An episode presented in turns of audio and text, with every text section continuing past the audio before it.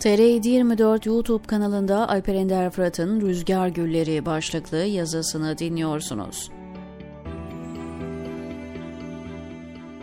Habertürk yazarı Nihal Bengisu, siyasi havanın değişiyor olmasına uygun olarak yeni siyasi tercihini açık eden bir paylaşımda bulunmasına, AKP milletvekili Alpay Özalan laflar edince hayatı mücadeleyle geçmiş, devrimci pozu verip biz 28 Şubat darbecileriyle mücadele ederken o Hakan Şükür'e yancılık yapıyordu diye cevap verdi.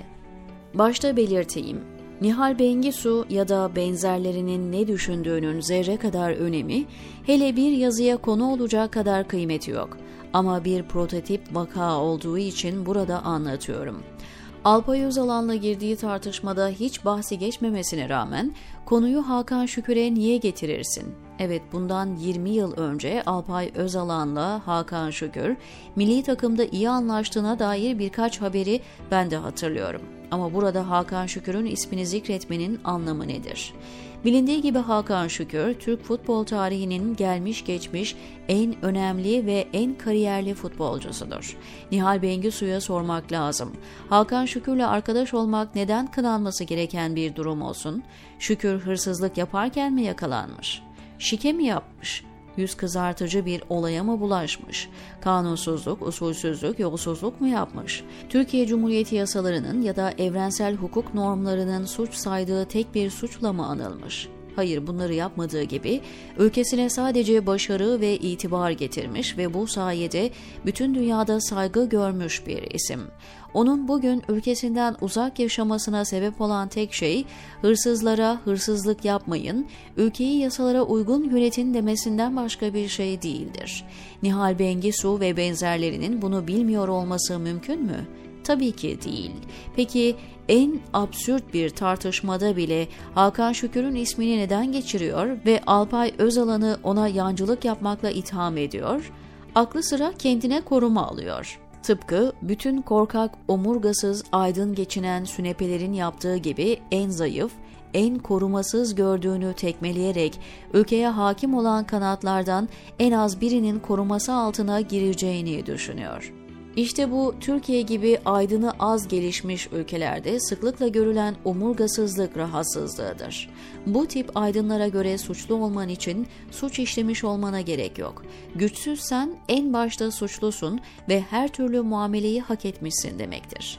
Bunlara göre kötü olan şey suçlu olmak değil, güçsüz olmaktır. Nihal Bengisu Karaca prototipinin diğer baskın özelliği güçle ve güçlüyle olan ilkesiz ilişkiyi perdeleme çabaları. Bir zamanlar saltanat uçağından inmeyen ve televizyon programlarının demirbaşı olan Karaca ne zaman gözden düştü?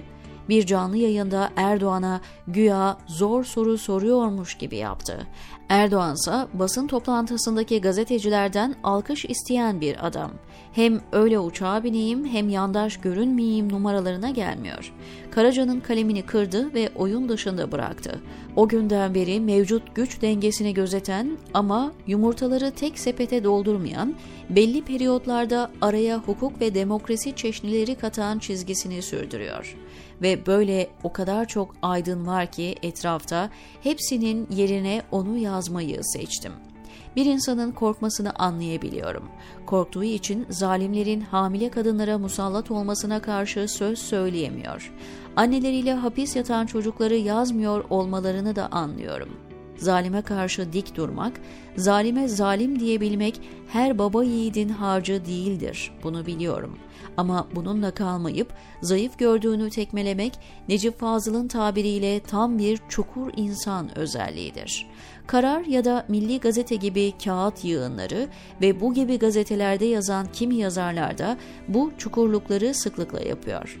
KHK ile işten atılmış, yetmemiş kanunun yazmadığı sebeplerden dolayı tutuklanmış, evde yiyecek ekmek bulamayan, çocukları aç insanların yardımına koşanlara yapılan operasyonları tam da zalim yancısı gibi haberleştirenlere çukurluğun somutlaşmış hali desek yeridir.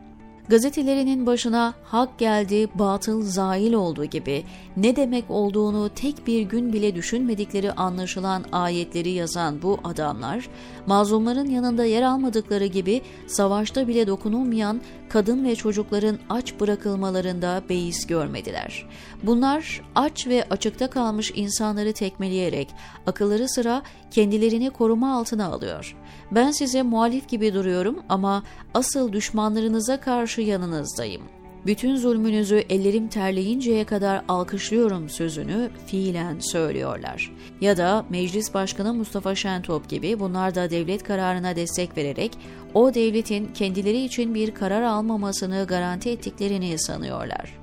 Bunlar için söylenecek en hafif benzetme omurgasız rüzgar gülleri olacaktır. Tarihin sizi öyle elimi yıkadım çıktım diye bırakacağını mı sanıyorsunuz?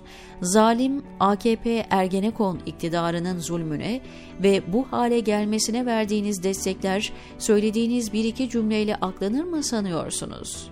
diyor Alper Ender Fırat TR724'deki köşesinde.